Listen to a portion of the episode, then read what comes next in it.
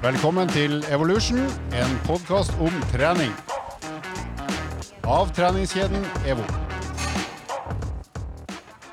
Velkommen tilbake til Evolution. Eh, Vi sitter her en nitrist onsdag i Oslo, men eh, bordet er hvitt og vakkert, og vi har med oss eh, det faste panelet pluss en utpeket gjest som vi snart skal snakke mer med. Men vi har til stede den raske Andreas og den fortsatt pene Lars. Velkommen, gutta. Takk, takk. Takk for det. Hva har skjedd siden sist? Og siden sist er jo før påske. Så i tillegg til å feile, feire Jesu Kristi oppstandelse og diverse, hva annet har dere gjort? Feile. Jesu Feile, feire. Nei, jeg har vært på fjellet. Så det har jo vært uh, bra vær, egentlig. Så nitrist, det, det beskriver jo ikke påska. Eh, det som er fint med å dra på fjellet nå, er jo at det fortsatt er skiføre. Eh, noe det for øvrig òg er i Oslo, selv om eh, alle i Oslo sentrum, eh, sentrum tror at det er eh, slippers og shorts, som du ankom i dag, Halvor. Takk for meg. Så nei, det har vært mulig å gå på ski. Fikk eh, gått noen ordentlig lange turer. Fikk, eh, det er jo alltid sånn du tenker i påska, så skal du gå alle de rolige turene som du ikke tar deg tida til å gå ellers på vinteren eh, når du skal konkurrere og sånn, men eh, det ender som det alltid gjør det. Det blei jo knallhardt. Alt handler jo om hvordan det ser ut på Strava etter du er ferdig, så Ja, for du går rolig et par kilometer, tenker du jeg har litt mer å gi uten at det blir slitsomt, og så halvveis så tenker du hvis jeg går litt fortere nå, så blir det bra på Strava. Ja, det, det som fort skjer, da, det er at hvis du går etter frokost, så er det sånn at i skyggen så, så er det jo gjerne ganske hard snø. altså det er, det er nesten litt is. Så det betyr at når du ser på klokka etter 3-4 km, så skjønner du at oi, det her har jo gått eh, ganske fort. Det her kan bli ganske bra. Og så fortsetter du den farta, men samtidig så kommer jo gjerne sola fram. Så det betyr jo at eh, de siste 20% av den turen de går jo gjerne i solskinn og i, i ganske myk snø, så da blir det jo helt pyton på tampen. Sol og sone 5. Ja, det, det er der det ender, da. Og så er det jo sånn klassisk eh, problemstilling, og det er jo at eh, når påska er ferdig, så er du egentlig i toppform. Da er skisesongen over. Men du, jo i, du var jo i god form ved inngangen til påska òg. Ja, jeg fikk eh, I år har jeg egentlig tima det perfekt. Jeg fikk en, eh, en 100 km-uke, en 10-milsuke løpende, som, eh, som da ble avrunda med å dra på påskefjellet. Så da var det veldig fint å kunne gå litt på ski, og så var det rett hjem igjen og begynne å løpe nå. Så det begynner å melde seg ganske god form. Hva slags tider har du på 1000-metersdrag nå, etter Nei. påske? Du, nå, Jeg skal på banen en gang i slutten av denne uka her, så da skal vi se hva jeg får til. Men det begynner å flyte bra. Det begynner å bli en del langturer som går i et tempo som, som var 1000 meter eh, fart bare for noen måneder siden. Det er nice.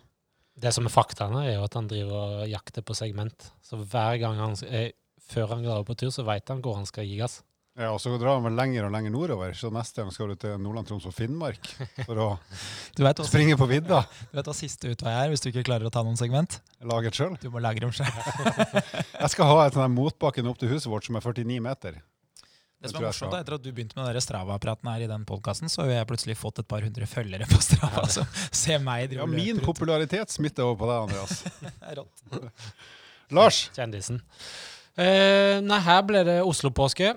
Uh, med de nye restriksjonene som kom, og diverse, diverse, så ble det ikke noen tur til Vestlandet og my- mye topptur og annen kos. Så det ble faktisk en påske med lange skiturer i Marka. Oslo-Marka type nord. Er det veldig, veldig veldig fine forhold ennå. Og det er ikke så raskt føre som på Trysil, der eh, Andreas har holdt seg, men eh, ganske bra.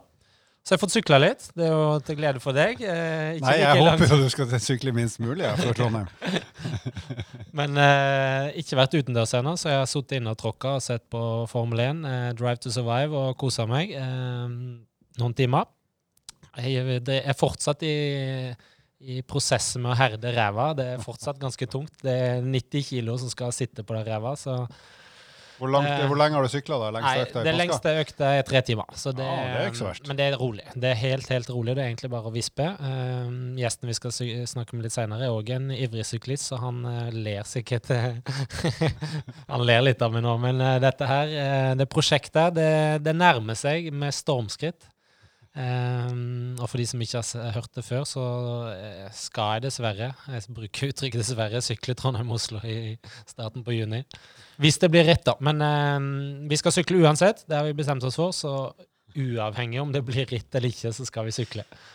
Som selvutnevnt geografiansvarlig i den podkasten her, så vil jeg minne om at uh, med den snittfarta dere kommer til å holde, så tre timer, da er du halvveis til fylkesgrensa i Trøndelag. Det betyr at det har ikke begynt å gå oppover engang. Dere, er fortsatt på flat mark. Dere har sikkert eh, allerede spist noe eh, sånn eh, bars. Første veistopp er gjennomført i. Bolla. Passert Lundamo på vei opp Soknen. Oi, en skjellstasjon. Det ser ut som en pause her, gutter. Fader. Er jeg grugleder meg. Men ellers har jeg fått trent godt og slappa av og fått gjort litt andre ting. Du har, du har rett og slett gjennomført påskeplanen, høres ut. Til Ja. punkt og prikke. Mm, ja, skulle sikkert ha drevet punkt. mer. ja, prikke, kanskje. Ja. Ikke punkt. Enn du, da? Jeg har, eh, jeg har jo faktisk sykla mye, da. Eh, Jeg har sykla nesten hver dag, enten inne eller ute. Så jeg har fått eh, Jeg har sykla 54 mil, regna ut sammenlagt, i løpet av påska. Og det er jo det du skal gjøre i løpet av tre-fire døgn. Så det er jeg faktisk fornøyd med. Den lengste turen min var nitrist, for da skulle jeg sykle med dattera mi til Hanke og avlevere henne på ei hytte der. Og da hadde vi medvind og godt driv hele veien bort. Og med en gang jeg snudde, så skjønte jeg at det her blir utrolig mye tregere hjem igjen. Så Du lå egentlig i ryggen på henne hele veien ned, ja, hun har så liten rygg at jeg har ikke noe nytte av det, for å være helt ærlig. Men det var medvind. Men på vei hjem igjen så tenkte jeg ok, jeg skal i hvert fall sykle til Moss før jeg ringer og ber om assistanse. Og når jeg kom til Moss, så tenkte jeg ok, jeg får sykle til Vestby før jeg ringer for å få assistanse. Så da jeg kom til Vestby, så sa jeg det er mulig at jeg ringer deg på Tusenfryd, for jeg orker ikke å sykle mer. Men da når jeg kom til Tusenfryd, så tenkte jeg at det skal jeg klare. Men det var eh, tre og en halv seige timer der jeg ofte tenkte at eh, det er litt tidlig å begynne å plage seg sjøl. Du begynte å tenke på hva jeg skal gjennom Trondheim-Oslo. Ja, og igjen, altså, jeg, skal ikke, jeg skal ikke plage deg på forhånd, men det er klart, det, det var egentlig en uh, liten forsmak på å ha det trist. Ja. Som man alltid har godt av. Så det var derfor jeg tenkte at jeg må jo plage meg litt. Jeg kan ikke bare ha sånn der eh, komfortliv døgnet rundt. Det går ikke. Vi skal jo snart til Trondheim, og, nei, til Lillehammer og sykle litt sammen. Ja, Så det blir spennende. Og der tenkte jeg kanskje vi skulle prøve å få oss en langtur på søndagen. Mm. Det kan vi ta mer om etter hvert. Og så er det bakkedrag eh, med den gjengen jeg er sammen med i kveld. Så Lars, kvart over seks på Ekeberg camping hvis du vil. Så er det bakkedrag. Mm, nei takk. Skal dere øve på passering på Lillehammer? ja, ikke sant? Legg opp et taktisk løp på passering i Lillehammer. Er det der støtet skal gå? Er det der, eh, der du Det skal er der ryggen din kom inn. Der skal han trø opp wattverdiene med hele seks. Eller sju. Nå skal vi ha en lyd, og så skal vi introdusere en meget interessant gjest.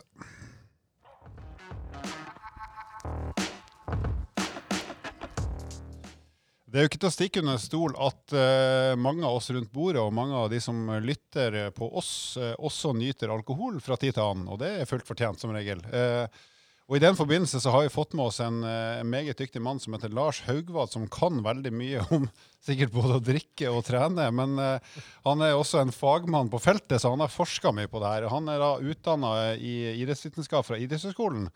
Han har fordypning i cellebiologi, nevromuskulær biologi og arbeidsfysiologi, som betyr at han har egentlig peiling på alt som skjer i en menneskekropp når du er i bevegelse. Og sikkert når du er i ro også. Han har også bachelor i fysioterapi og master i manuellterapi. Og har to år i idrettsfysioterapi gjennom IOC, altså internasjonale olympiske komiteen. Så han, han har rett og slett inngående peiling på menneskekroppen og bevegelse. Han har jobba for Skiforbundet, helseteamet der for hopperne i, fra 2011 til 2018. Og han har vært trener, leder, styremedlem i klubb og hatt verv i Snowboardforbundet fra 2002 til 2018. Og når, nå kan ikke dere se han, men eh, han ser såpass hipp ut at det kler han godt. Han, er, han ser ikke ut som noen langrennsløper. Han ser ut som han kler et brett. Og det er en bra intro, Lars. Ja, det var glimrende. Tusen hjertelig takk for det. Ja. Er det noe mer du vil føye til? Eh, nei, eh, ikke annet enn eh, kanskje litt selvskryt på maratontid, da. Det, I og med at det har vært så utrolig mye prat her om eh, utholdenhet eh, og segment, så eh, er min personlig beste 2,47. Oi, Eh, så det ble stille i studio. 246, 58. Ikke sant? Det der, det der er ikke juks. Det- Jeg har 1,31 på halvmaraton. 1,31, Det ble ja. helt stille. På sykkel, ja. jeg hadde 1,19 på halvmaraton i fjor sommer. Det er sterkt, altså. altså. Det Det er bra. Men hva gjør du nå, da? Er det mest løping, eller hva driver du med sånn av aktivitet, bortsett fra å drikke? Eh, da skifter jeg bleier. Å ja, OK, Ja. du har blitt eh, tobarnsfar. Du har havna i ulykka? Ja. Ja, alt ettersom hvordan en ser på det. Men eh, det er mye kjærlighet. Ja, jeg har tre unger sjøl, så det er jo tidvis hyggelig, men det er mest Ja, jobb. absolutt. Det er mye jobb. Så det er lite trening. Jeg har fått kjørt en del snowboard i vinter. Eh, Det har vært veldig gøy. Eh, Min vinter og koronarestriksjoner har eh, holdt meg hjemme. Så benytta meg av Tryvann og Wyller og det vi har i Oslo. Eh, Så jeg får kjørt mye snowboard. Det er veldig gøy.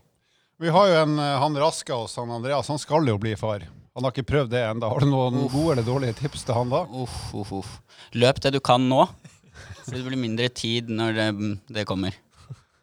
Er- er Så du må gå fra langdistanse til sprint du, Andreas, når du blir eh, pappa, for da kan du rekker du 200 meter. Ja, jeg tror i hvert fall eh, sprintdistansen er kjørt for meg. Altså. jeg satser på en 1000 meter. Utenom å være bleieskiftearbeider, ehm, du holder til på Olympiatoppen. Kan du si litt om hva du gjør der, og hva du har ansvar for, og utøver og Eh, ja, det kan jeg. Ehm, 100% på Olympiatoppen eh, som fysioterapeut, men også prosjektleder for eh, noe som går på helseundersøkelser og monitorering eh, for alle utøvere som skal til OL, og både sommer og vinter.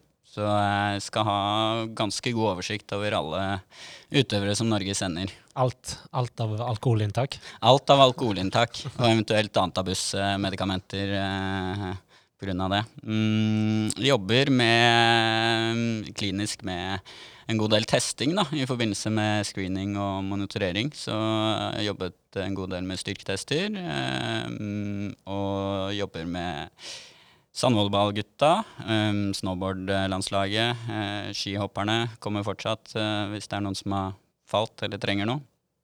Uh, Så det er, og seilerne. Så det er primært de idrettene som jeg har ansvar for. Så Tokyo til sommeren, det blir forhåpentligvis en rolig affære i Enoshima sammen med seilerlandslaget. En tre-fire uker. Ja, da, da blir du med til Tokyo. Da blir jeg med til Tokyo. Du, Vi har tulla litt med at du drikker mye, og sånn, det gjør du selvfølgelig ikke. Så vidt vi vet. Men grunnen til at vi har gjort det, er jo at du har, du har vært med i en, en studie, altså vært forsker i en studie i fra, som i hvert fall ble publisert i 2014.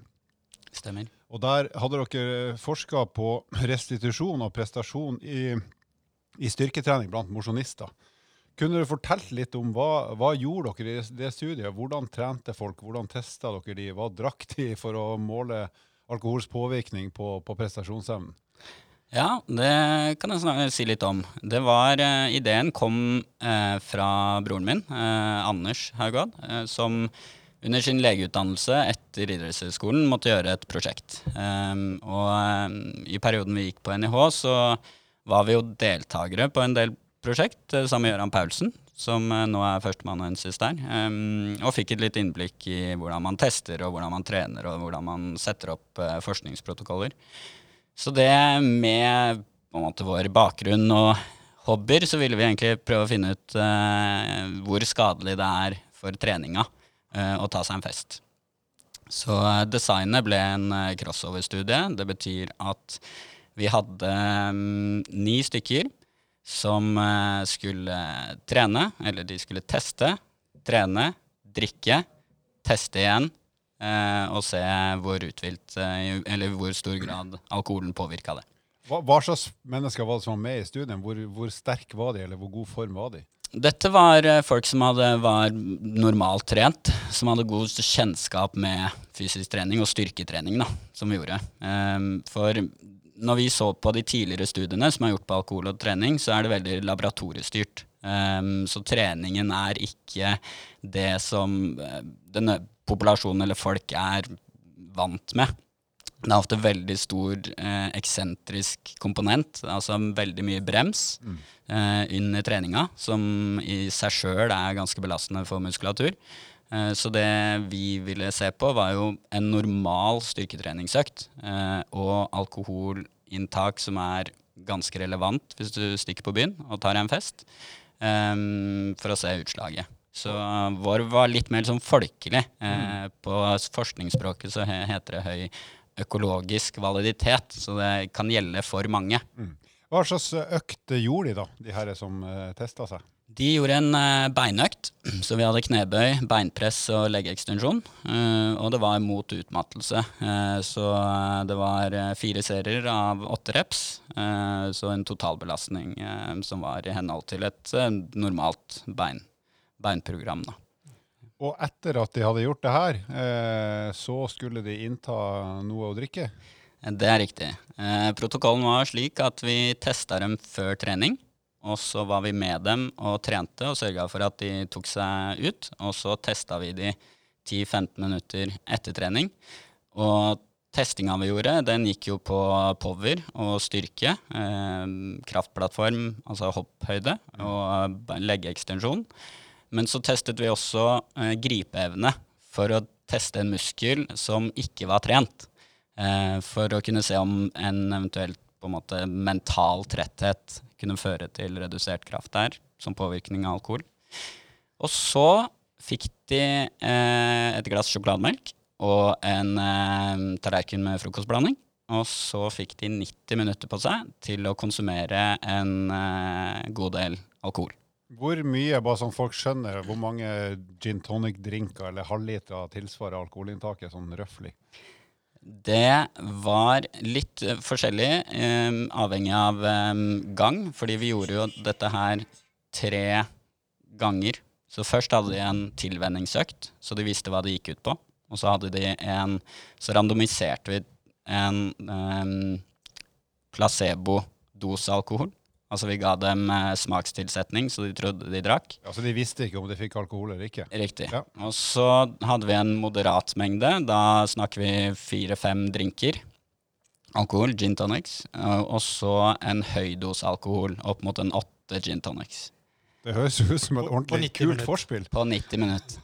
Ja, så det ble Det er jo et konsept, Lars. Ja, absolutt. Et festkonsept Ja. som verden aldri har hørt om før. Vi Det koste, koste, koste oss veldig. Satt og så på Tour de France, og eh, det var god stemning. Som vanlig treningsrelatert problem til forskning er jo at det bare er idrettsutøvere eller helt utrente som har tida til å stille i en del, eh, en del forskning. Her tror jeg det vil være muligheter til å få søknadsbunken ganske stor. Ja, helt seriøst, det må jo ha vært utrolig mange som hadde hatt lyst til å være med på det her. For Vanligvis er jo sånt litt vanskelig, som du sier, Andreas, å få tak i frivillige. Ja, mm, Eller? både og. Eh, det er greit, de fikk seg en gratis eh, artig opplevelse, men eh, det krevde mye av testpersonene. Fordi de skulle komme tilbake etter 12 timer, og de skulle tilbake etter 24 timer og teste. Og alle testpersonene skulle gjennom alle fire pro tre protokollene. Så det ble veldig mye testing og veldig mye tid tilbrakt på NIH eh, og Olympiatoppen, så det, tok, eh, så det var ikke for alle. Så det var, ikke, det var ikke bare et forspill, det var litt mer jobb enn som så. Ja. Jeg har jo en potensiell løsning her, og det er jo at uh, forskninga blir responsa av Vestlia Resort, og så kjører man det over en tredagers Ja, det hadde vært uh, interessant, det. Men nå har vi hørt hva de har gjort, og uh, hvor mye de drakk. Og hva, hva var resultatene? Hva, hva slags konklusjoner eller uh, tendenser til konklusjoner kan dere trekke ut av resultatene? Jeg må først eh, si før jeg kommer til resultatet, at eh, alkohol er gift. Eh, det er ingenting bra med alkohol. Det er ingenting som i utgangspunktet har noe helsefremmende effekt. Men ehm, restitusjon er jo ekstremt komplekst. Vi snakker jo om det som, i, som fagpersoner hele tiden. Og vi vet fortsatt ikke hvilke markører som er best egnet til å se på for å se at en utøver eller en person er restituert, klar for trening. Men de markørene vi do ville se på, de tingene vi ville se på, kreatinkinase f.eks., som er eh, et eh, ord for avfallsstoffer fra muskulatur, som kan gi et indikasjon på at muskulatur er blitt brutt ned. Vi ser jo store mengder av det i rabdomyolyse, når man har store muskelødeleggelser. Eh, høye CK-verdier. Og så så vi jo på eh, blodceller, hvite blodceller, som vi vet eh, kommer til når vi har en betennelse i kroppen. Eh, og så målte vi promille, eh, både på blåsing og på blod. Eh, veldig interessant resultat der. Um, og så målte vi jo selvfølgelig disse resultatene av kraft, da. Styrke. Ja, Ren prestasjon, rett og slett. Ren prestasjon. Og, um, og så så vi også etter hormonparametere, altså testosteron og kortisol. Testosteron er jo et anabolsk eh, hormon som bygger muskler. Det hjelper oss til å bygge opp kroppen, mens kortisol er jo et eh, katabolsk eh, hormon som bryter ned prosesser i kroppen. Det vi fant, var ingen forskjell i noen parametere som gjelder prestasjon. Verken etter mye inntak av alkohol eller ingen inntak av alkohol. Så det vil si at eh, selv om de drakk åtte gin tonics, så var de like sterke dagen derpå. Som om de drakk eh, lurevodka. Og det var dagen på var da 24 timer etter forrige Tolv timer etter. 12 timer etter. Ja. Ja. Så vi var jo, men um, det var jo veldig kontrollert. De drakk dette her på kvelden, og så kjørte vi det hjem. Og sørget for at uh, de ikke fikk lov til å gå ut. Og de måtte sove. Så hentet vi de hjemme hos seg selv tolv timer etterpå. Kjørte de opp på laben og testa de. Så dro de hjem, og, eh, eller på jobb, og så hentet vi de igjen 24 timer etter og testet. Så eh, de resultatene vi ser på umiddelbart etter en styrketreningsøkt, 10-15 minutter etter, de viser jo en nedgang i prestasjon. Det er normalt etter man har trent at man er litt svakere pga. økten. Men etter 12 timer og 24 timer var det ingen forskjell i prestasjon. Så dere noen andre ting da i forhold til de målingene dere gjorde av hormonnivå og sånne ting? Ja, det gjorde vi. Eh, vi så en trend, ikke noe som sånn kjempestore utslag, men en trend på at eh, forholdet mellom testosteron og kortisol ble forstyrra. Så testosteron gikk noe ned, altså fritt testosteron som eh, sirkulerer rundt i blodet, gikk ned, og kortisolkonsentrasjonen gikk noe opp. Og det er eh, på sikt eh, negativt for kroppen, og egentlig alle kroppens eh, funksjoner. Så ble dere overraska over det her? Altså, Hva trodde dere på forhånd? For dere har jo selvfølgelig lest all mulig forskning som er gjort før dere satte i gang, og hadde vel en idé om hva, hva vil det her prosjektet sannsynligvis medføre av resultat? Hva, ble dere overraska, eller var det som forventa? På um, lav eller moderat dose alkohol så var det som forventa. Fordi det er det som er mest brukt uh, i litteraturen, og uh, mengde alkohol. Vi ble overraska over at resultatet når de drakk såpass mye som åtte enheter, uh, ikke hadde mer utslag på kraft eller fysiologiske parametere dagen etterpå. Hvis du skal si litt generelt, da, hvis vi går bort fra studien, mm. som er veldig interessant i seg sjøl. Ja. Hvis du skulle si noe generelt, hvordan, hvordan påvirker alkohol kroppen vår sånn generelt i forhold til yteevne og hvordan vi føler oss? Eh, F.eks. etter en sånn åtte gin tonic-variant. Hvordan, hvordan vil det påvirke en normal menneskekropp? Det vil eh, påvirke i veldig negativ forstand. Ehm, det som er spesielt med alkohol, eller etanol, da, som er molekylet vi snakker om her, eh, det, det transporteres inn i hjernen, inn i sentralnervesystemet. Og det er veldig få molekyler som vi inntar via mat og ernæring, som går til hjernen. Det er glukose, som er hjernens eller sentralnervesystemets energikilde nummer én. Og så er det dessverre alkohol. Så vi får en enorm påvirkning av sentralnervesystemet, eh, som gjør deg sløvende, eh, svimmel, eh, mister konsentrasjon, mister hukommelse, forstyrrer en dyp rem-søvn, som vi alle er avhengig av for å lære eh, og for å fungere i hverdagen. Så sentralnervesystemet blir påvirket i veldig, veldig stor grad. Og, og bare for å si det, det, her er ikke, det finnes ikke noen sånn quick fix for å la, la være at det her skal skje. Det her skjer uansett. Så lenge du har inntatt alkohol, så er det det her som skjer. Uansett om du drikker 100 liter vann eller spiser fire pizza eller går deg en tur, så er det, det her skjer uansett. Det her skjer uansett. Og det skjer uansett om du tar eh, Syrtec eh, før du stikker på byen, eller noe annen hokus pokus allergimedisin. Eller, eh, så det skjer uansett. Um, Faktaen skal på bordet. Det er bra. Ja, det må det. Og så er det jo um, For de som trener styrke, da, eller for de som er opptatt av eh, eventuelt å opprettholde eller bygge muskelmasse, så er jo um, proteinsyntesen veldig viktig. Det å skape og danne nye proteiner i muskulatur og i kroppen generelt, eh, den uh, prosessen blir redusert ved inntak av alkohol. Så ved lang tids eh, alkoholinntak så ser man jo atrofi, muskelsvinn, eh, hos eh, befolkningen. Så det er, selv om noen tenker å kult, da er det bare å gønne på med å drikke og trene masse, så har vi en viss eh, moderasjon i forhold til det. For det alkohol eh, har noen åpenbare negative effekter som vi ikke kan lure oss unna, rett og slett. Nå skal jeg skal ikke late som jeg er helt uviten, for det her er jo et, ja, det her er et fagfelt som jeg syns er veldig interessant, så jeg har jo brukt mye tid på å Drikke? lære meg det. Ja, og det, det andre jeg har gjort, da, for jeg, jeg påsto en stund at jeg var kanskje en av Norges best trente som òg var på byen hver lørdag. uh, for det er, det er jo Du er jo inne på noe ting her, um, uh, Lars, som er som er på en måte kanskje essensen i det. da, at i hvert fall Hvis du trener styrke, så, så påvirker det kanskje ikke akkurat prestasjonen, men det påvirker jo veldig mye annet av det du skal gjøre. Som du sier, altså dere må hente folk uh, for at de skal inn på en retest. Og det er jo der kanskje problemet oppstår i en del eh, av det treningsfaglige. Det er jo at det blir ikke noe treningsøkt. Så, så i mange tilfeller så er jo problemet her at det, det er jo ikke akkurat hva som skjer sånn rent fysiologisk, men det, er jo, det påvirker deg jo i, i veldig stort omfang i forhold til hvilke valg du gjør. Altså, ja, du har kanskje sovet eh, en natt som tilsvarer en, en vanlig tre-fire timers natt, da, men du har ligget i senga i kanskje tolv timer. Så, så det er jo sånn, det er veldig sånn store forskjeller som skjer. så det, eh, Man ser jo at noen blir veldig lite påvirka av alkohol. altså De fungerer veldig veldig bra dagen derpå, mens andre kan jo være helt satt ut i, eh, langt utover i uka.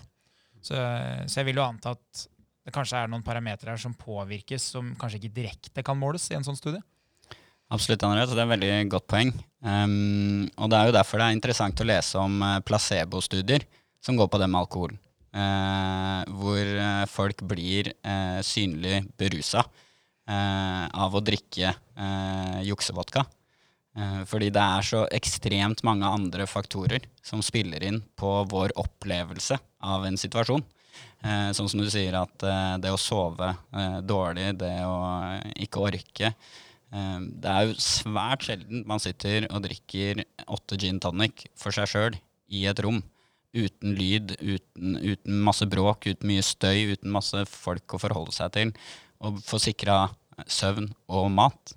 Eh, for eh, de som trener, driver med trening, de vet jo at eh, det er på en måte de to hovedtingene som er viktigst for å, for å komme seg. Det er søvn og god ernæring.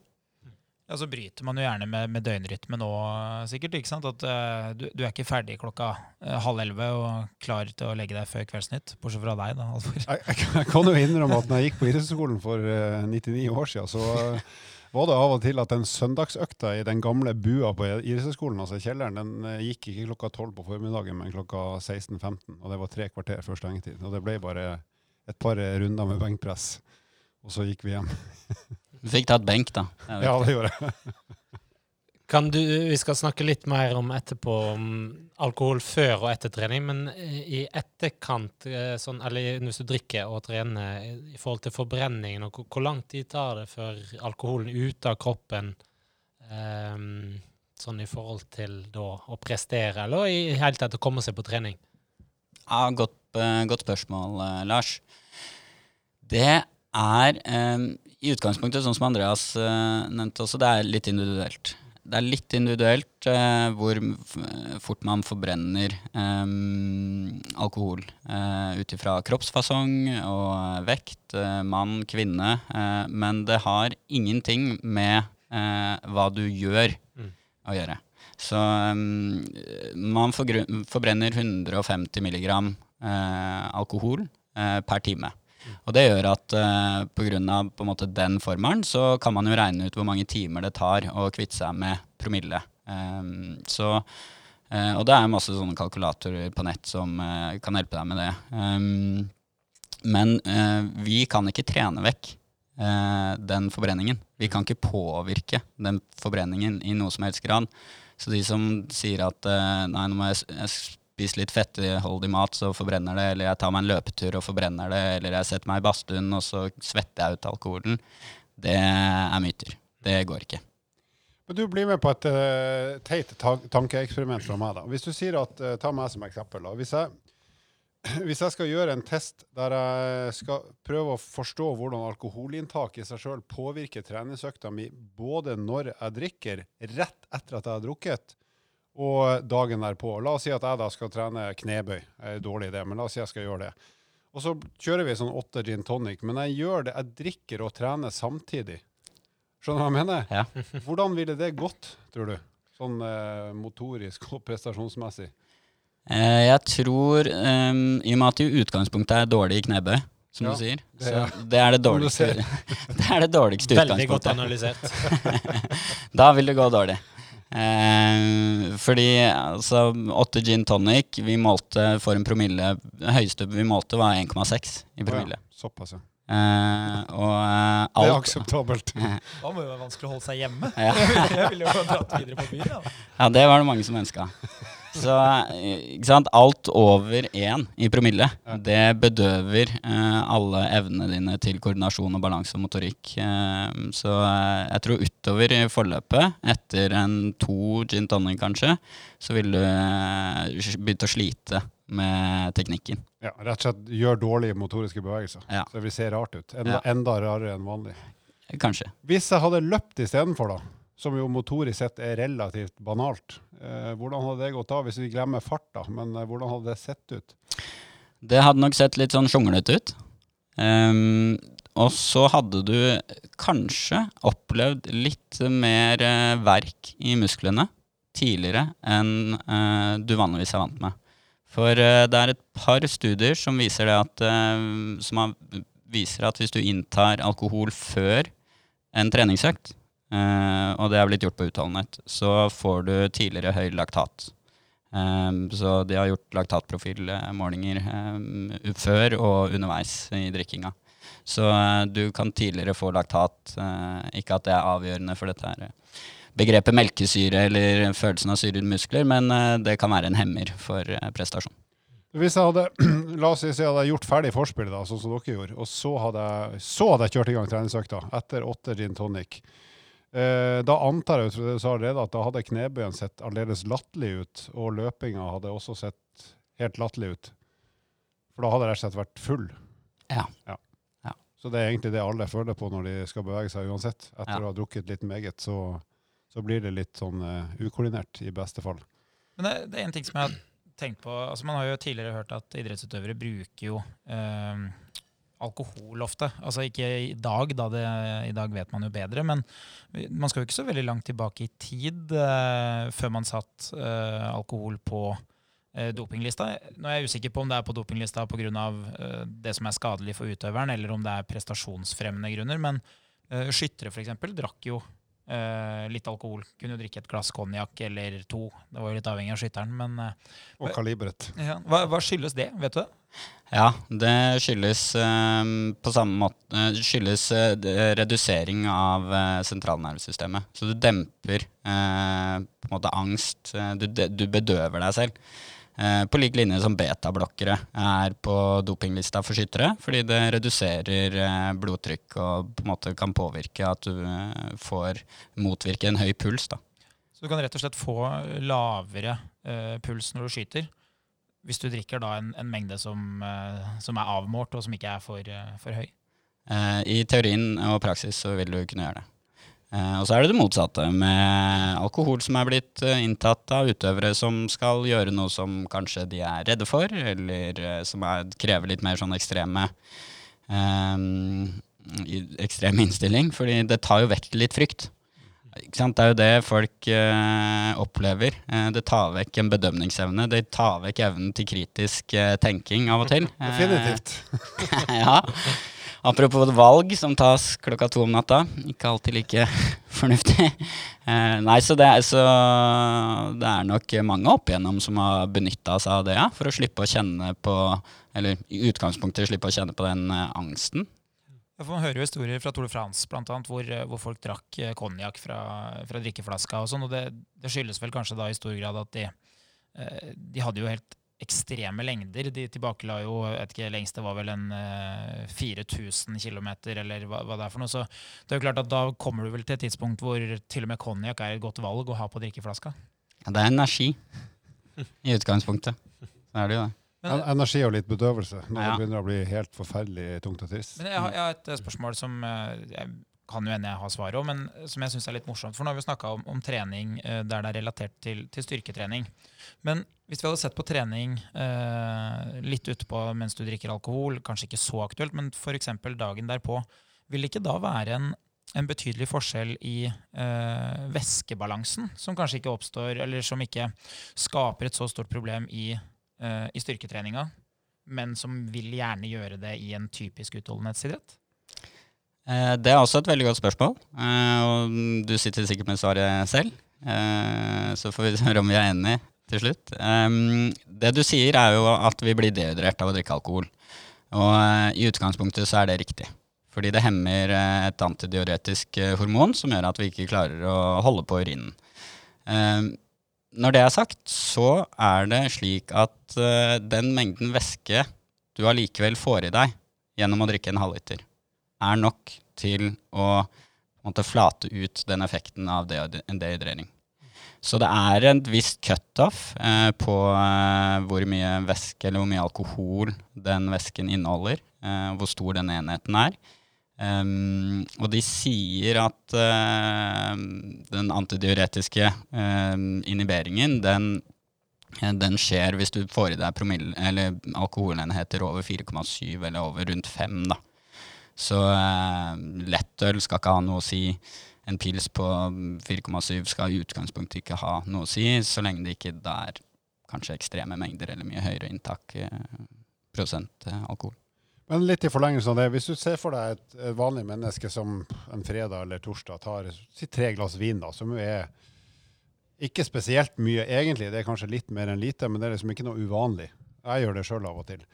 Eh, vil det i det hele tatt gjøre noe med min fys mitt fysiske velvære og prestasjonsevne dagen etterpå? Hvis jeg står opp som vanlig, går på jobb som vanlig og tenker at nei, i femtida i morgen ettermiddag, eller i ettermiddag så tar jeg meg en joggetur. Eh, nei, i utgangspunktet ikke. Nei. Så den alkoholen eh, som du har inntatt, er jo forbrent mm. ut av kroppen. Ja. Så er det de andre kontekstuelle påvirkningene du har fått i, under inntak av det, som eh, vil være det som kan påvirke deg. Ja, og så ville det vært såpass lang tid fra de tre glassene som kanskje er i sju, åtte, ni tida på kvelden, til økta, så jeg bør jeg ha rukket å helst sove godt, i hvert fall brukbart, og spist og drikke ganske mye før den joggeturen på mitt eh, moderate nivå. Ja, absolutt. Um, men det som du sier først der, er jo veldig viktig å merke seg det med søvn. da. Mm. Fordi uh, alt over to enheter uh, i, i, litteraturen viser at du mister dyp kvalitetssøvn om natta.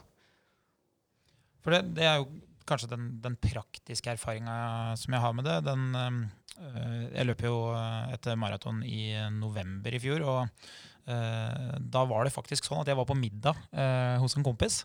Uh, som jobber med, med, som trener, og, og, som egentlig da kan og prosessen rundt det med å innta alkohol og skulle løpe. Så vi var jo begge enige om at det er jo lite gunstig at jeg er med i middagen der og sitter og drikker masse alkohol, når den eneste dagen i 2020 hvor jeg skal løpe fort, er dagen etter. Uh, men da drakk jeg en, et par glass med vin, jeg drakk en eller to øl, og så drakk jeg selvfølgelig til desserten så drakk jeg whisky òg, bare for å virkelig toppe det. Men det som er min erfaring eh, ved siden av det her, men som òg kanskje er da det dere egentlig diskuterer, er jo at det er en mengde som er nok til at da drar jo jeg hjem sammen med samboeren min klokka halv tolv. Jeg legger meg til vanlig tid, jeg sover så lenge som jeg hadde kommet til å gjort hvis jeg skulle ha løpt. Kan godt hende søvnen er litt dårligere, men, men avbruddet fra hva jeg vanligvis ville gjort, er minimalt. Mens hvis jeg hadde flydd på byen, så hadde jeg jo kanskje ikke vært hjemme før halv fire, halv fem, hvis det var virkelig bra bytur. Uh, og inntaket hadde jo kanskje gått fra å være si 1,5 liter væske mer enn normalen til å kanskje bli, eh, uten å skryte på meg nå, men kunne fort blitt 4-5 liter væske. Men løsningen her Andreas, er jo å ha samboer. Det er jo ikke Eller barn. Eller barn. så, så, hovedforskjellen her er vel kanskje som veldig mye annet i trening, at det handler om avviket. Altså at avviket Hvis du drikker da eh, minimalt med innhold, du drikker minimalt med mengde, så, så, så, blir det ikke så store avvik som det det blir hvis det hadde blitt en skikkelig fest hvor du eh, gjør ting som du aldri gjør til vanlig. da. En annen ting som kan påvirke litt i tillegg til søvn, er jo at alkohol fører ofte med seg litt dårligere kosthold et annet type kosthold som man kanskje ville eh, ellers ha inntatt. Eh, vi snakka litt om et fettholdig kosthold i sted i forhold til det folk tror kan hjelpe i forhold til å holde alkoholforbrenninga litt i gang. Kan du si noe om det? Altså, hva, hva bør folk eh, spise hvis de skulle spist noe riktig? Er det noen fakta der? Å, jeg skal være forsiktig med å si eh, hva som er riktig og feil å spise. Uh, Grunnen til at jeg spør, er fordi det kommer Trondheim-Oslo her et eller annet sted som, eh, der det skal være whisky på flaska. og... ja, da kan du bare spise det du vil. Ja, ok. Takk. Du kommer ikke til å få, få det i deg uansett. Nei. Jeg husker jeg, jeg sykla Trondheim-Oslo et år. Og jeg husker jeg satt og tygde sursild, og så spytta det ut igjen. Bare for å ha noe etter. Ja. Hvorfor det? Få noe sånt salt. Trodde det var jævlig fornuftig. Få i Ja, meg litt salt. godteriet Ja, ja, sursild. Ja, godteri. ja, godteri. på om Nei, godteri. ekte sur. Ja, Nei, er godteri. Så sutte litt. Sutte litt. Surstrømning, tror jeg. Ja, surstrømning. Nei, ernæring det er jo veldig sånn som du sier. Få i deg proteinrik eh, mat. Um, spesielt i og med at vi vet effekten av alkohol på det med um, proteinsyntesen. Syntesen. Men et, eh, et, eh, et, eh, praktisk tips fra deg nå, Lars. Hvis Mm. du skal Det blir jo litt konstruert, da, men hvis du har bestemt deg for å ha det hyggelig og drikke litt, og så skal du likevel prøve å være litt smart, da.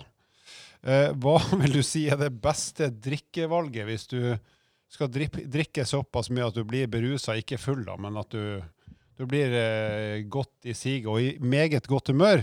Eh, men du skal, gjøre det, du skal gjøre det med drikke som er smartest mulig i forhold til at du skal gjøre et eller annet dagen etterpå. Du skjønner spørsmålet? Jeg skjønner Er det konjakk, er det øl, er det gin tonic, eller hva er liksom det smarteste I gåseøyne smarteste valget, da? Eh, det Jeg spør på vegne av en venn, selvfølgelig. ja. Jeg er litt usikker. Jeg, det er jo mange som ikke tåler brunt brennevin. For eksempel, det blir dårlig av det. Det er mange som blir dårlig av rødvin pga. garvesyra som er i det. Um, så jeg ville kanskje holdt meg til noe hvitt. Mm. Uh, uten at jeg skal flekke opp for mange artikler som uh, kan underbygge det. Kanskje mer sånn personlig. Preferanse. Blankt og gjennomsiktig. ja. Uten boble. Men også er det jo det at uh, på en måte anbefalingene er jo en enhet i timen. Men Ja, så tem tempoet skal ikke være for høyt heller. Nei, Nei. men da er det jo litt Det er jo litt kjedelig, da, fordi da unngår da, Kanskje du mister den buzzen Mm. som du i utgangspunktet er hypp på. Jeg må jo si at Det her er første gang jeg, jeg har prata med forskeren som jeg føler at ikke dømmer meg. Vanligvis når jeg gikk Han er på lag. Jeg gikk på idrettshøyskolen og stilte spørsmål om hvor lite må jeg gjøre for å få mest mulig igjen, så ble, følte jeg meg alltid dømt av, eh, av forskeren. Men eh, det, det er jo én ting vi har diskutert tidligere når det gjelder akkurat det spørsmålet her, eh, Halvor. Og det er jo hvis vi ser helt bort ifra prestasjonen, da, hvis vi bare ser på eh, hva det medfører, så, så kommer det jo med en energimengde. Uh, og da pleier man jo å tulle med en ting som heter skinny bitch. Som er sånn typisk Det Jeg kaller navnet mitt. ja, ikke sant? Det er jo en sånn fitnessdrink, på en måte. Da, da tar man jo eh, det som har minimalt med energi. Altså du får i deg minst mulig kalorier. Uh, og da kan det jo gjerne være f.eks. Uh, vodka. Eh, da velger man jo ren sprit, for det blir lite volum. Og så tar man og blander det med Cola Light. ja, Cola Light eller eh, gjerne Funsaft, da, for å være Dritgodt. ekstra kjip. Det, det er jo da Eller bare vann fra springen. en antirusser. Vodka med vann. Nei, så Da vil du jo få færrest mulig kalorier. Så hvis, det, er klart hvis du driver og skal ned i vekt, og du tenker nå at ok, her må jeg være med i tre bursdager på rad, eh, og jeg kan ikke møte opp og ikke drikke Det er jo en veldig rar ting å si. Ja, for det går ikke, eller? Fordi du skal, Ikke i Nittedalen. de du skal til, på, på besøk til, de er så kjipe at du må I Nittedalen er det Mye drikkepress. i Nittedalen. ja, ja, ja, ja. Det, det er derfor det her er interessant. Nei, men da, da vil jo en sånn type løsning i hvert fall være eh, en mulighet, sammen med noen forskjellige typer vinløsninger, da, hvor du ser etter lav eh, mengde energi. Men bortsett fra det så handler det vel i stor grad om inntak av, eh, av alkohol. Altså hvor mye alkohol er det egentlig du får i det. Eh, Så da kan det jo sikkert være smart å velge øl framfor sprit, hvis ikke du klarer å tilpasse mengden deretter. da. Eh, Rein nysgjerrig. Eh, sånn, hvis eh, en har trent og eh, drikker etterpå, hvor mye har det å si for den økta? Så er den økta bortkasta? Eh, eller bør man gjennomføre den uansett, avhengig av om man skal på da, bursdagsfesten i Nittedal etterpå? Så dere noe på det? Altså, eller har du lest noe om det? Uh, ja, det var jo på en måte det vi var ute etter å se, da. Mm. Uh, I forbindelse med at vi drakk etter en Mm, treningsøkt. Ja. Um, og når, når det var et relativt naturlig forløp, Mm. uansett om man drakk eller ikke, så er det samme forløp, så tenker vi at uh, den økta ikke er bortkasta. Mm. Så at du kan ta deg en økt uten at du eh, ødelegger eh, effekten av den. Men hvis du gjør det fem dager på rad, Mm. økt, drikke, økt, drikke, økt, drikke Jeg skjønner jo litt hvorfor jeg ikke hadde så mye fremgang i styrke når jeg gikk på idrettshøyskolen. Det skulle kanskje vært noen lesesal innimellom der òg? ja. Jeg fant ikke lesesalen før jeg var fire år. jeg. Jeg var ferdig, Få det er den døra, ja. ikke, ikke se for meg. Men eh, en ting som jeg veldig ofte har eh, forklart til de PT-kundene som har interesse av det her, da, eh, som jeg har brukt som en sånn enkel forklaring, det, vi kan jo se om det stemmer, men jeg pleide å si at det, det er sånn at med det nivået de aller fleste har, så vil trening alltid gjøre deg bedre. Det handler om utgangspunkt. Sånn at når man hører at ja, det er ikke bra for treninga å drikke, hvis du da snakker om en toppidrettsutøver, så eh, toppidrettsutøverne lever jo et liv hvor de snur det på hodet. Der er det jo om å få minst mulig frav, altså fravær. Da. Du, du ønsker jo ikke å ikke gjøre det som gjør deg best mulig. Mens for de aller aller fleste som lytter på, eller som jeg har trent, de, der er det jo sånn at for dem så handler det om å gjøre mer enn det de gjør i dag. Eh, og da om du er på fest lørdag og du uansett trener onsdag og fredag, så, så har det på en måte ingenting å si. Eh, den dagen hvor alkohol begynner å berøre effekten, det er jo den dagen hvor det gjør at du ikke gjør det samme som du hadde gjort hvis du droppa å drikke. Hvis det Høres det fornuftig ut for uh, dere andre? Nei. Ja, det Makes sense. Jeg tenker det har litt med, med periodisering å gjøre. Altså, driver du med toppidrett, og eh, vi faktisk, du må ha perioder hvor du trener litt roligere, så eh, Og resten av sesongen går på å trene på en måte så mye du kan, eller orker, eller av ulike typer trening, da, selvfølgelig. Eh, Så er jo ikke det sammenlignbart med en som trener to til tre ganger i uka, og er superhappy med det. Mm. Men eh, Så jeg jeg er veldig støttende i det at idet alkoholinntaket går utover den planlagte økta du har lørdag eller søndag, som du har planlagt for å oppnå et mål, da har du et problem. For eh, da er jo alkoholinntaket i veien for måloppnåelsen. Sagt. Du, uh, vi har snakka litt om at uh, underveis når man drikker da, og hygger seg, så er det jo lurt å kanskje innta litt væske som ikke er alkoholholdig parallelt, altså vann eller sukkerfri drikke eller whatever. Og kanskje spise litt underveis også, så det ikke bare er drikke, drikke, drikke. Men når du først har havna i bakrus og våkner opp dagen etterpå, uansett når det måtte være, har vondt i hodet og det meste er kjipt, er det da noen praktiske tips som kan gjøre den perioden til du blir ordentlig bra igjen, mindre ubehagelig? Eller er løpet fullstendig kjørt? Ja, det er kjørt. Ja, Så det er bare å Ja.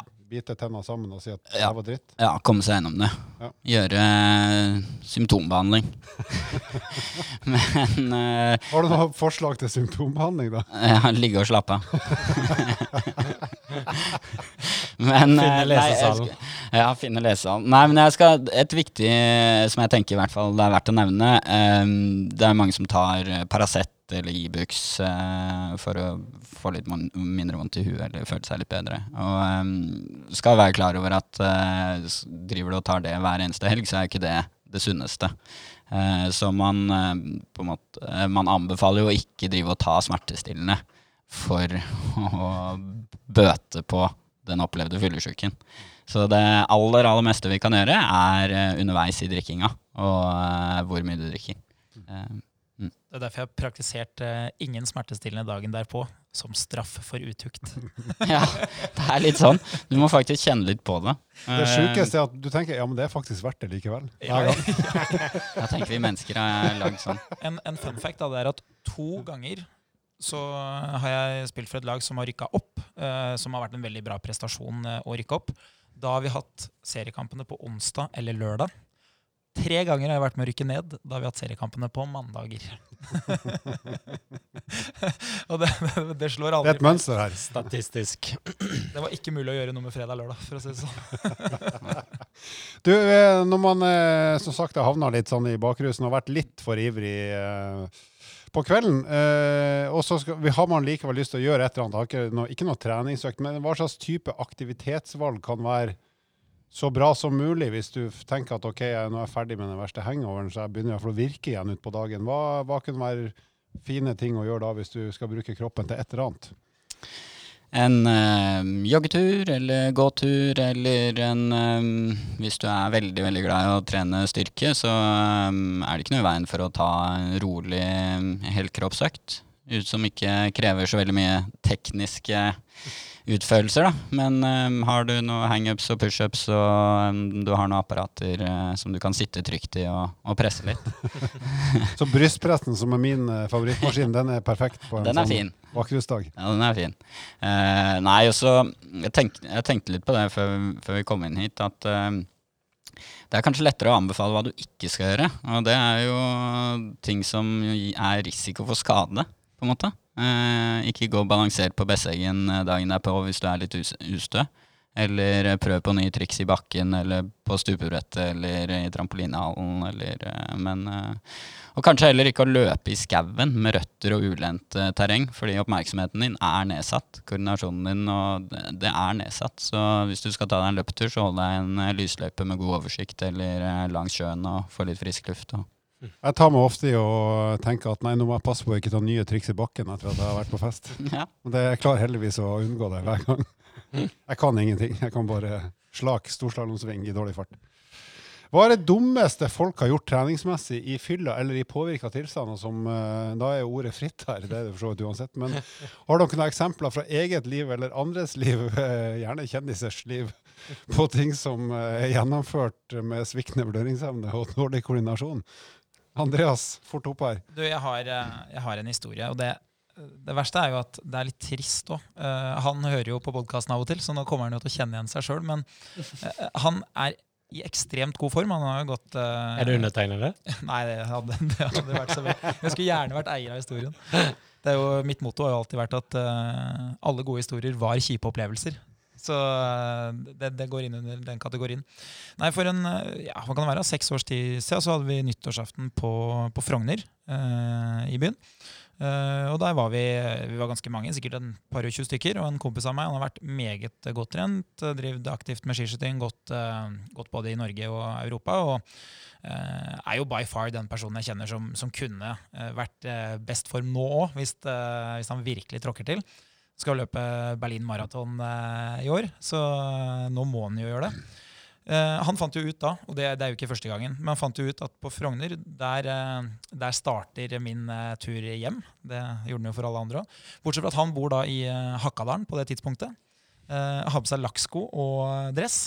Og velger da, som mange andre idrettsutøvere også gjør av og til på fest, å løpe hjem. Eh, og for de som ikke er veldig godt kjent i Oslo, så er det sånn at når du løper fra Frogner, så tar det først en mil før du er inne i Maridalen. Og så tar det jo gjerne en eh, drøy mil å komme seg gjennom Maridalen. Og da nærmer du deg Nordmarka. Da kommer du opp i, eh, på Movan. Og på Movan stasjon så begynner de lakkskoa å gnage såpass, og kroppen begynner å verke, og du begynner å bli ute utpå i sju-halv åtte-tida på morgenen. Så da legger han seg ned for å hvile på Movan stasjon og vente på toget. Men han har glemt at det er helligdag, så det kommer ikke noe tog. Så da våkner han. Og da må han fortsette den løpeturen fra Movan til Hakadalen, som òg er litt over en drøy mil. Så eh, ja, jeg ville tippe at sånn utpå formiddagen eh, første nyttårsdag, så kommer det da en mann hjem eh, som har vært ute i nesten fire mil. Og når jeg stiller spørsmålet 'hvorfor', så svarer han 'jeg tenkte jeg skulle spare de taxipengene'. Og så sier han 'men nå må jeg kjøpe nye lakksko til 2000 kroner'.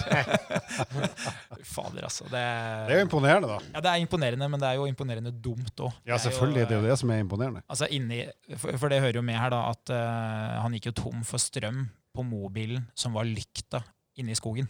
For det, det er jo ikke noe lysløype på natt i første nyttårsdag. ikke sant? Så det, det er jo helt, Og fare for snø. Jeg kunne fort ha lest om den i VG, og det har vært helt andre grunner. så det... Jeg kan jo avsløre at jeg har en historie som er sann, og som er meg sjøl. Det var når jeg gikk på idrettshøyskolen, men det var jo på 90-tallet. Det var jo i vinteren 98. Da var det ekstremt mye snø i Oslo. 1900-tallet. Ja, ja ikke det? 20-tallet. 1998. 1900-tallet, ja. Det var før internett. Da var det veldig mye snø i Oslo hele vinteren, så da fant jeg ut, da bodde jeg på Kringsjå, som er oppe ved Sognsvann, at eh, faen, det er jo bare å ta skia ned, for det er jo bare nedoverbakker. Så da gikk jeg på skøyteski, eller sto i hockey på skøyteski ned til Oslo sentrum, stabla skia inn på der eh, de som tar imot jakka og slikt på eh, var sikkert skotsmenn. det var der alltid endte opp siden jeg kommer nordfra. Og eh, var ganske aktiv på, i hvert fall rundt bardisken i flere timer. Sånn i tre-fire-draget på natta så fikk jeg tilbake igjen de skia. Tok meg dårlige gamle skøytesko, så skøyta jeg da på nysnø, faktisk, fra Oslo sentrum via Ullevål stadion, der jeg hadde min sedvanlige kebab, og så opp til Sognsvann igjen og la meg lykkelig i skisko og sikkert et ganske ikke spesielt imponerende antrekk, eh, og relativt eh, sliten og fortsatt ganske fornøyd. Bodde du i den midterste store blokka, den som jeg kalte danskebåten? Nesten. Så var helt lik danskebåten. Det var små lugarer. Ja, stemmer det. Felles dass. Til stor glede for min eh, da samboer, som var helt ufrivillig samboer. Yes, Har vi noen flere stories her fra dumme ting som er gjort i påvirka tilstand?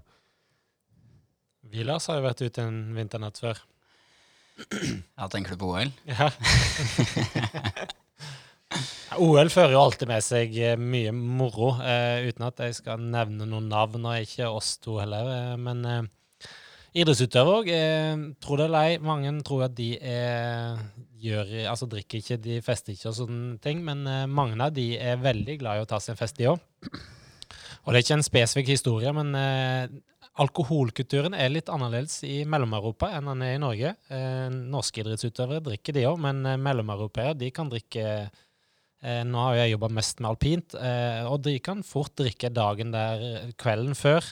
På type nummertrekning eh, på kveldene før f.eks. Kitzbühel, som er en av de mest berykta alpinbakkene. Eh, og vi kan jo, Du kan bare gå inn og se på Henrik Elvestad stående Die Streif, som det heter, i Kitzbühel. Eh, han var dog ikke alkoholpåvirka, men det så litt sånn ut, for han skalv som et aspeløv, som man kanskje gjør litt dagen derpå fordi man er redd for hva man har gjort eller sagt eller hadde tenkt å gjøre.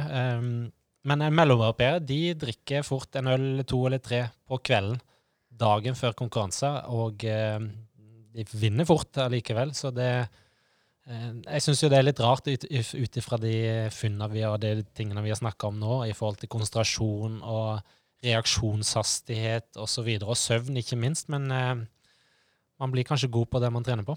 De går kanskje på ettermiddagen, de rennene? Eller er det Nei, det går til det morgenen. Så ja, det går jo rundt 11-12, så greit, det- disse øla inntas nå rundt 8-9-10 kanskje på kvelden, så det er jo ikke kjempeseint, så du får jo noen timer før eh, Du får i hvert fall 12 timer før du skal prestere, men allikevel. Eh, jeg tror ikke ikke har turt å ta den risikoen ved å drikke så tett opp til en konkurranse som f.eks. utfor. For meg så ville jo det å kjøre i Kitzbühel det ville jo vært et resultat av alkohol. Ja, definitivt. jeg hadde tatt heisen ned. Ja. jeg har en annen liten morsom historie, og det har jeg ikke tenkt å ta den opp. Men jeg tror jeg innehar eh, rekorden på 400 meter nakenløp eh, på NIH. Eh, og det var et, en berykta russefest der oppe eh, som ofte eskalerte litt nede i kjelleren der. Eh, og eh, da en gang var vi flere som endte opp ute på banen med en boomblaster. Alle i russeklær. Vi var selvfølgelig ikke russ, men det var en sånn eks-russefest. Og så var det et eh, genialt påfunn. Det var sikkert meg som kom på det òg, eh, som alt annet. Eh, og da var det 400 meter nakenløp og førstemann i mål. Så det gikk ganske fort, eller føltes i hvert fall som jeg husker gikk veldig fort. Men jeg husker ikke eksakt tida, men det er sikkert sånn rundt eh, 60 sekunder. Jeg skal ta en siste gammel sann historie fra min idrettshøyskoletid. Der hadde vi, i hvert fall når jeg gikk der, så var det noe som heter kastforspill. Altså et forspill der man rett og slett møtte opp en invitert gjeng på kastbanen på idrettshøyskolen, der du kan kaste diskos eller spyd eller eh, støte kule. Og det var Opplegget var sånn at alle hadde med seg en gjenstand hver. Så kunne det være hva som helst. Det kunne være en brukt TV eller en radio eller en sykkel eller altså en gammel kjæreste. Hva som helst, men det er altså en ting som skal kunne kastes. Så var det loddtrekning da, blant alle gjenstandene, som fikk utdelt en, en eller annen gjenstand fra eh, en av de som var tatt med. Og eh, selvfølgelig da med relativt grei skuring på alkoholinntaket underveis. Og da husker jeg at han som vant det ene året, han hadde fått en frossen hare. altså Han hadde tatt med seg en frossen hare fra sin egen fryser, som han sikkert skutt seks år før. Den var fortsatt frossen da. Og den ble kasta, det tror jeg var en tidligere spydkast kasta den 64 meter over hele jævla kastbanen på idrettshøyskolen. En frossen hare som da ble ganga med harens vekt, og det var den soleklare vinneren av det årets konkurranse. Hvilken teknikk velger man? da? Vet du, Jeg må innrømme at jeg husker ikke det, jeg bare husker jeg så den haren fløy i luft. Er det Jeg tenkte det her er ikke sant. er det nok motvekt til å gå for en sånn type sånn sleggevariant? Det må jo være det. en Ballakov-variant. Ta tak i øra, så en skikkelig Ballakov. 65 meter. Det har vært bare 250 meter opp fra bakken på vei. Godt jobbet, folkens. Da skal vi ha oss en liten lyd, og så har vi et uh, lytterspørsmål som vi straks kommer tilbake til.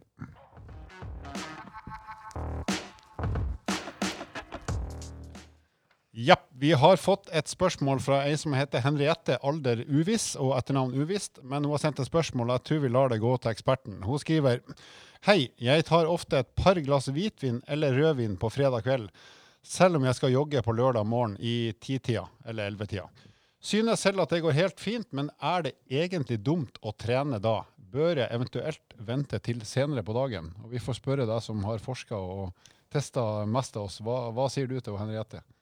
Sier at Henriette kan ta den joggeturen med god samvittighet. Ja, Det er ikke noe stress. Nei, så det står det jogge her, da, ikke løpe.